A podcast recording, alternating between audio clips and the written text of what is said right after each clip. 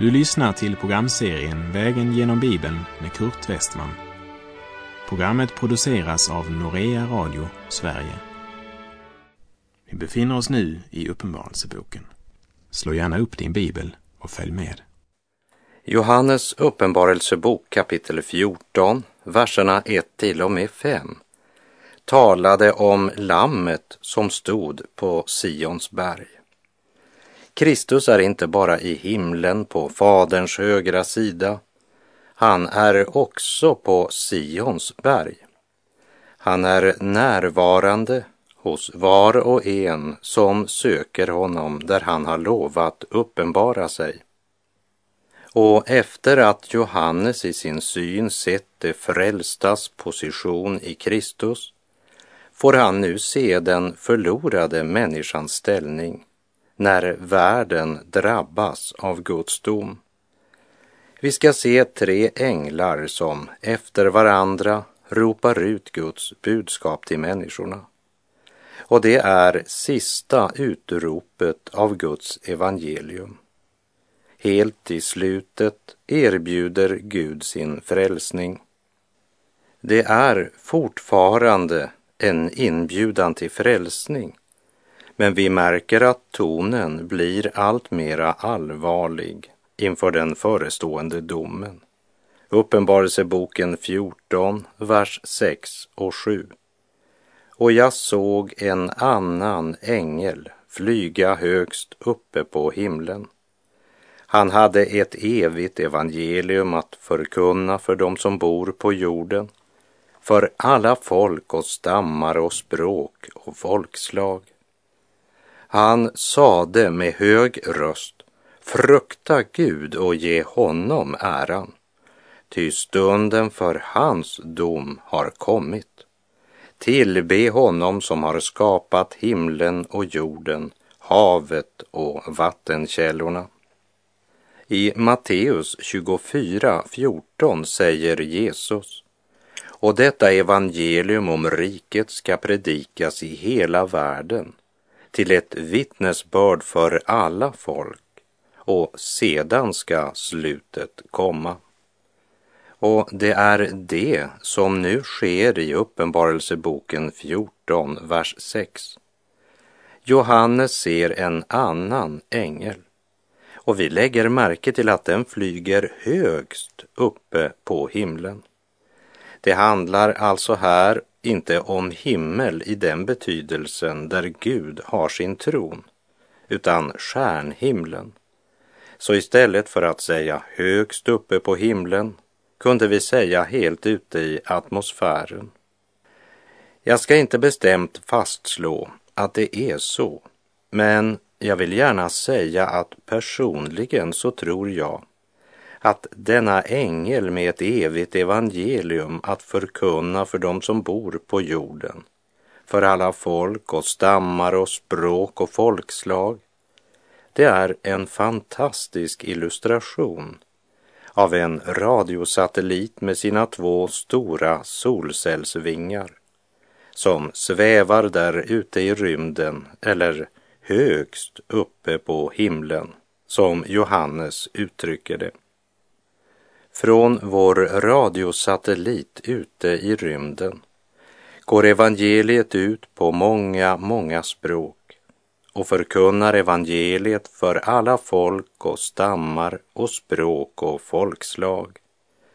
Och när jag säger vår så tänker jag inte bara på Norea Radio men också på Ibra Radio, Transworld Radio, HJCB, FEBA och alla andra radiomissionsorganisationer genom vilka evangeliet går ut över världen via radiovågorna. Radiovågorna är ett oerhört effektivt sätt att nå ut till de mest avlägsna folk och till de mest stängda länder. Radiovågorna når till den mest avlägsna hydda och till det högsta hyreshus. Och radion kommer att vara avgörande när det gäller att nå alla folkslag med budskapet om Herren Jesus Kristus. Radiomissionen är ett ändetidstecken. Men även om ängeln i Uppenbarelseboken 14.6 på ett underbart sätt illustrerar radiosatelliten ute i rymden så betyder det inte därmed att det inte också handlar om en ängel sänd av Gud som vid vår tidsålders avslutning vakar över att budskapet når alla folkslag. Och som Jesus sa, och detta evangelium om riket ska predikas i hela världen till ett vittnesbörd för alla folk och sedan ska slutet komma. Och det är uppenbart att när evangeliet nu är översatt till så många språk och juder över så många av jordens länder med budskapet om den korsfäste och uppståndne Kristus så är det en uppfyllelse av det Johannes såg i sin syn på Patmos.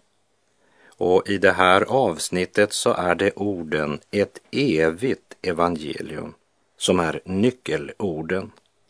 I Matteus 24.35 säger Jesus Himmel och jord skall förgå, men mina ord ska aldrig förgå. Det är ett evigt evangelium som ska stå när allting annat faller. När alla jordiska riken och makter lagts i grus. När himlakroppar upplöses av hetta och jorden och det verk som är på den inte mer finns till. Då består evangeliet. Synen Johannes ser är en gudomlig uppmuntran till alla dem som vandrar i Lammets fotspår. Alla dem som inte kompromissar, fördunklar eller viker av från det budskap Gud har gett mänskligheten genom vittnesbördet om Jesus, så som vi har det i Guds ord. Alla dem som håller fast vid Guds ord sanningens ord, hur svår och bitter konsekvensen än blir. Det är ett evigt evangelium och det gäller alla länder, folk och nationer. Det gäller varje enskild människa, var de än befinner sig. Varje människa ska en dag ställas till svars för vad de gjorde med det eviga evangeliet. Har du mod att följa Jesus, vad det än må kosta dig? Har du mod när världen hånar och till motstånd reser sig? Har din frälsare fått bliva för ditt hjärta verkligt stor? O, då måste du bekänna inför världen vad du tror.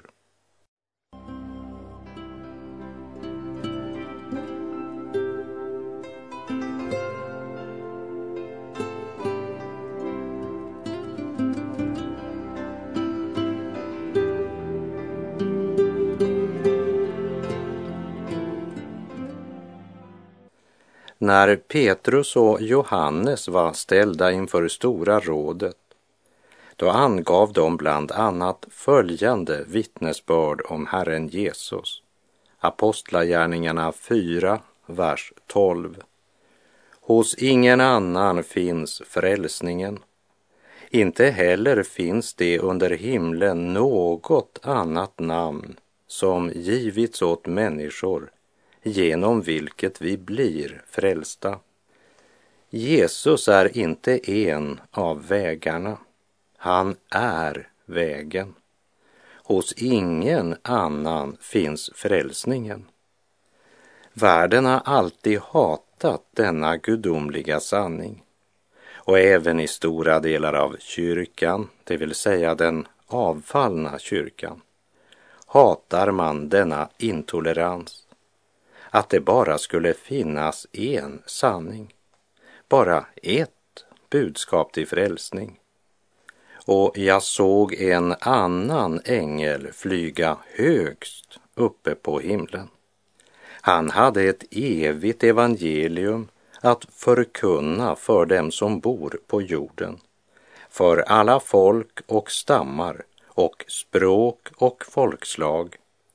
Han sade med hög röst, frukta Gud och ge honom äran.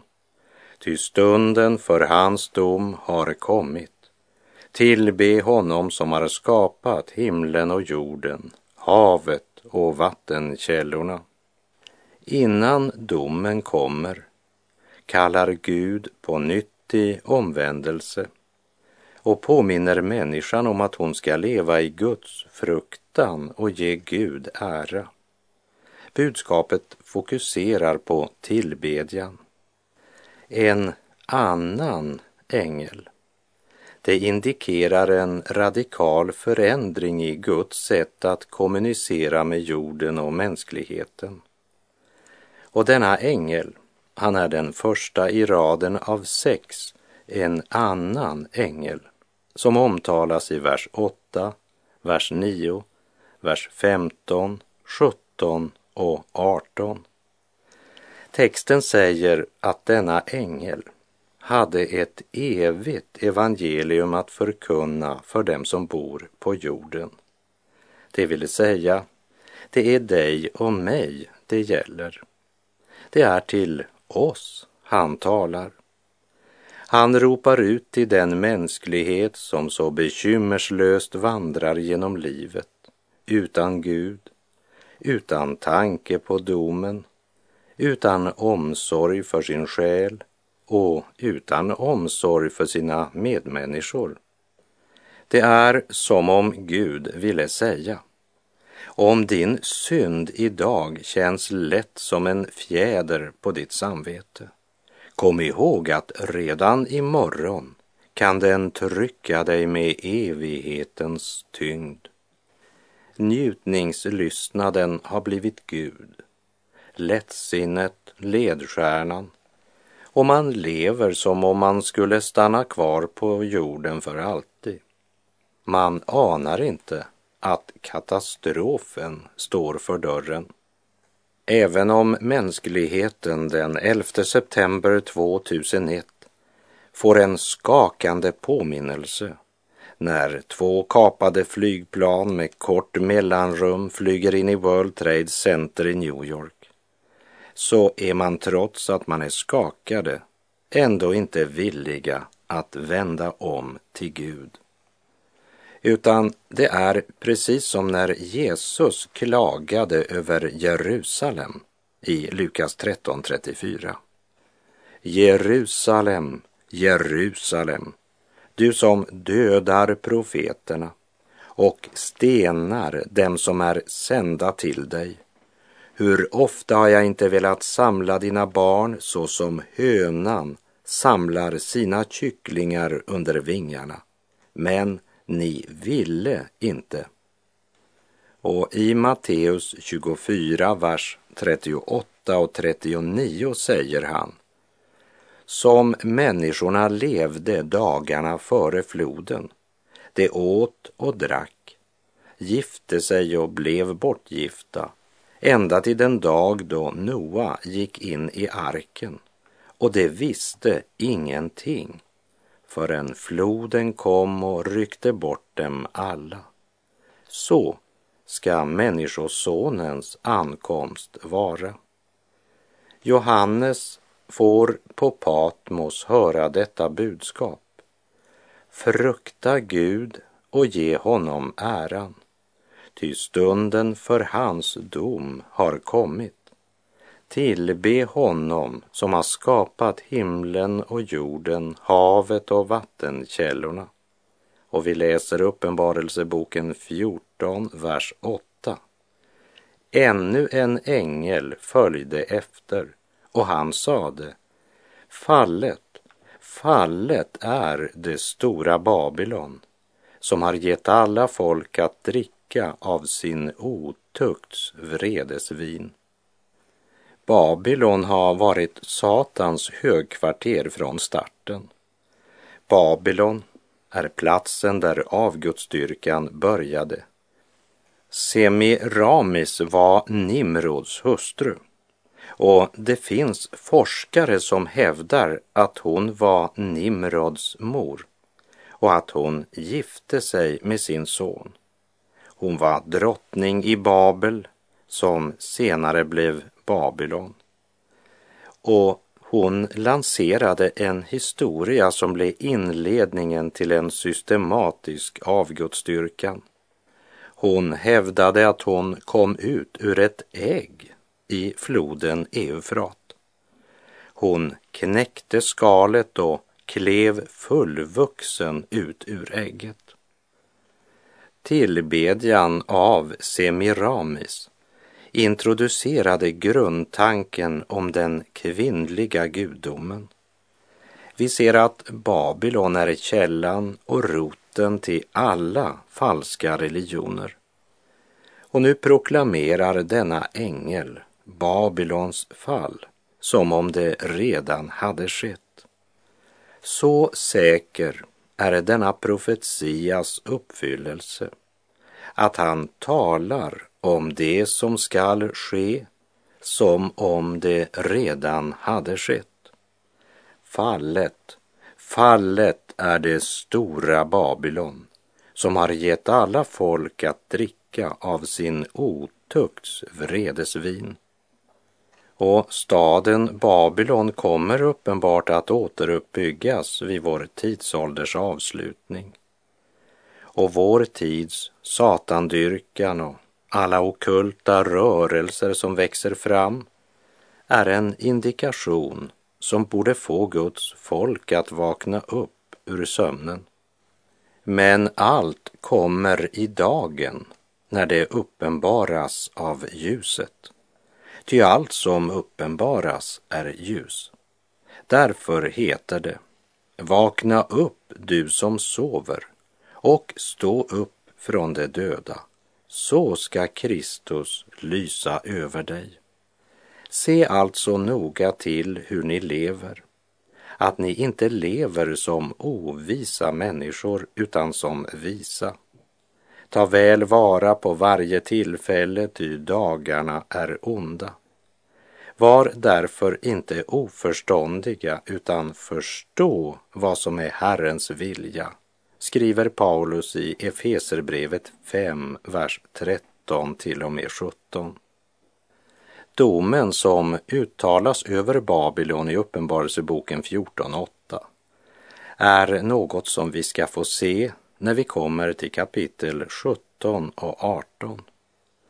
I kapitel 17 kommer Guds dom över det religiösa Babylon och i kapitel 18 kommer domen över det politiska Babylon.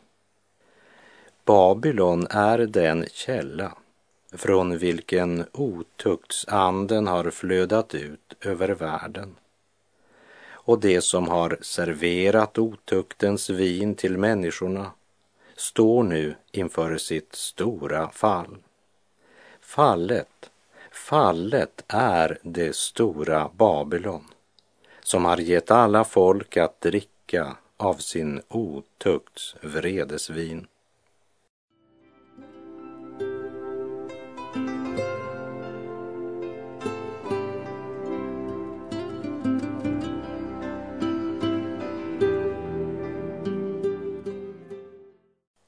Vi läser Uppenbarelseboken 14, verserna 9 till och med 11. En annan ängel den tredje följde dem och sade med stark röst den som tillber vilddjuret och dess bild och tar dess märke på sin panna eller sin hand, han skall själv få dricka av Guds vredes vin, som oblandat hälls i Guds vredes bägare. Han kommer att plågas i eld och svavel inför de heliga änglarna och inför Lammet. Röken från deras plåga stiger upp i evigheternas evigheter. De har ingen ro eller vila, vare sig dag eller natt. Dessa som tillber vilddjuret och dess bild och tar emot märket med dess namn. Den första ängelns budskap riktade sig till alla folk och stammar och språk och folkslag. Det vill säga till mänskligheten som en grupp. Men den tredje ängeln hänvänder sig till den enskilde och talar om människan i singularform. Den som tillber vilddjuret. Romarbrevet 14.11 säger Det står skrivet Så sant jag lever, säger Herren för mig skall varje knä böja sig och varje tunga skall prisa Gud. Var och en av oss skall alltså avlägga räkenskap inför Gud. Och i Uppenbarelseboken 14, verserna 9 till och med 11 talar Gud i klartext om syndens konsekvens i den enskildes liv. Gud stadfäster än en gång att det människan sår ska hon också skörda. Det är Guds mäktiga antingen eller som ljuder med stark röst. Det handlar om att vara för eller emot. Det finns inget tredje alternativ. Och människan kan inte välja om hon vid vägens slut ska möta Gud eller inte. Hon skall. Hebreerbrevet 4.13 säger Inget skapat är dolt för honom, utan allt ligger naket och uppenbart för hans ögon, och inför honom måste vi stå till svars. Uppenbarelsebokens budskap gör det klart för oss att inför detta kan ingen inta en neutral hållning till Antikrist. Den som tillber vilddjuret och dess bild och tar dess märke på sin panna eller sin hand, han ska själv få dricka av Guds vredes vin som oblandat hälls i Guds vredes bägare.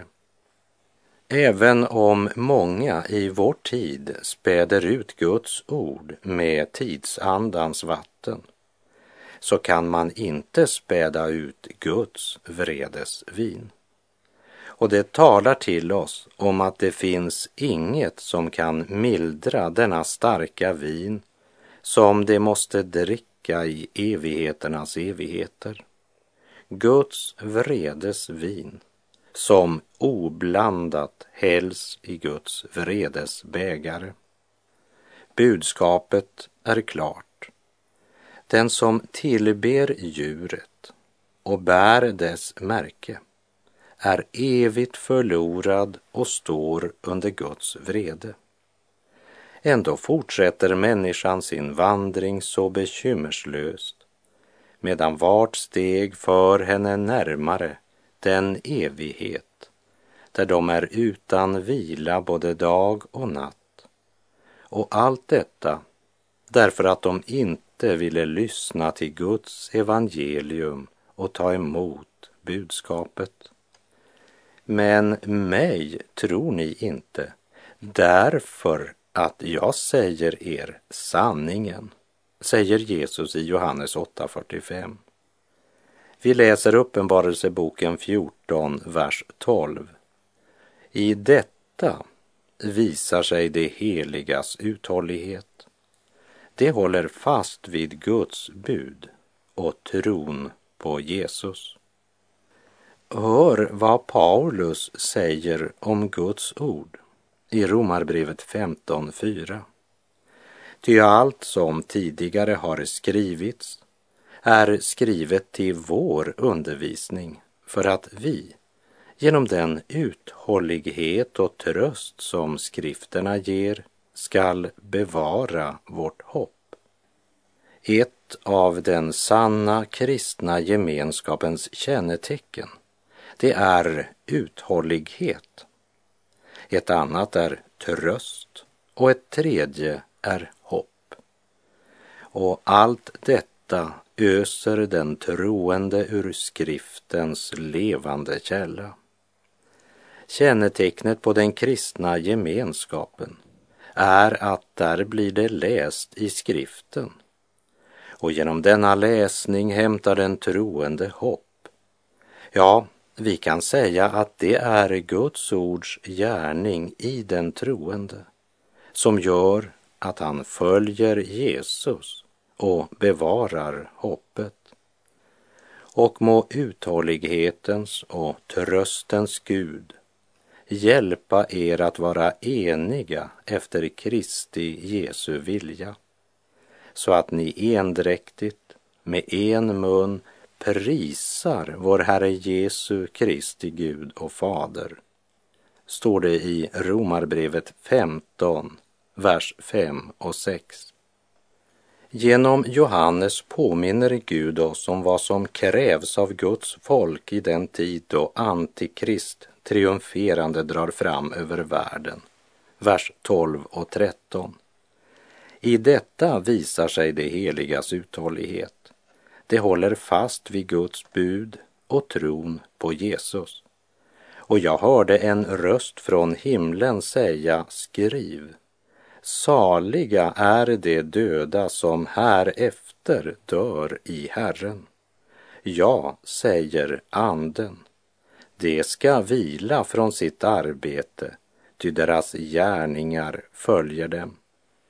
Den som lider för Kristi skull är inte att beklaga, även om världen nog menar det.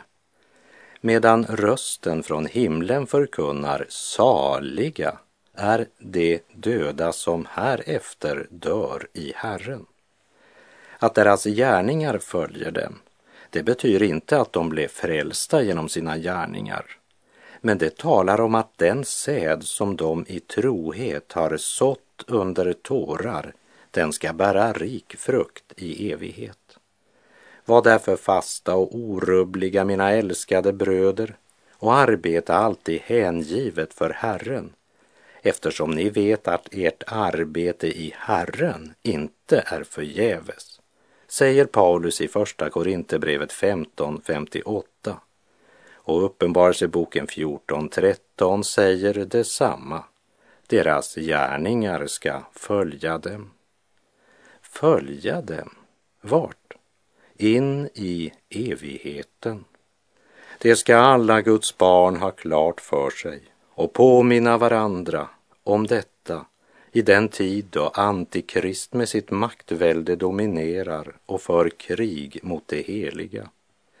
När otron och det oheliga triumferar medan Guds barn hånas, motarbetas, förföljs, ja, till och med dödas. Och med det så är vår tid ute för den här gången. Seger giv du segerrike, konung till din kamp och svig ingen man i provets vike när du för ditt rikes krig. Lys och led vår trängda skara, hör till dig i bön vi fly. Låt oss snart ur natt och fara se din frihets morgongry. Ack, vår kraft är ganska ringa. Giv oss, Herre, dag från dag, mod att ej med världen tinga givet bergfast sinnelag. Bort med klenmod vid din tuktan. Bort med själviskhetens ro. Ingen tvivel, ingen fruktan må i våra hjärtan bo. Herren vare med dig, må hans välsignelse vila över dig. Gud är god.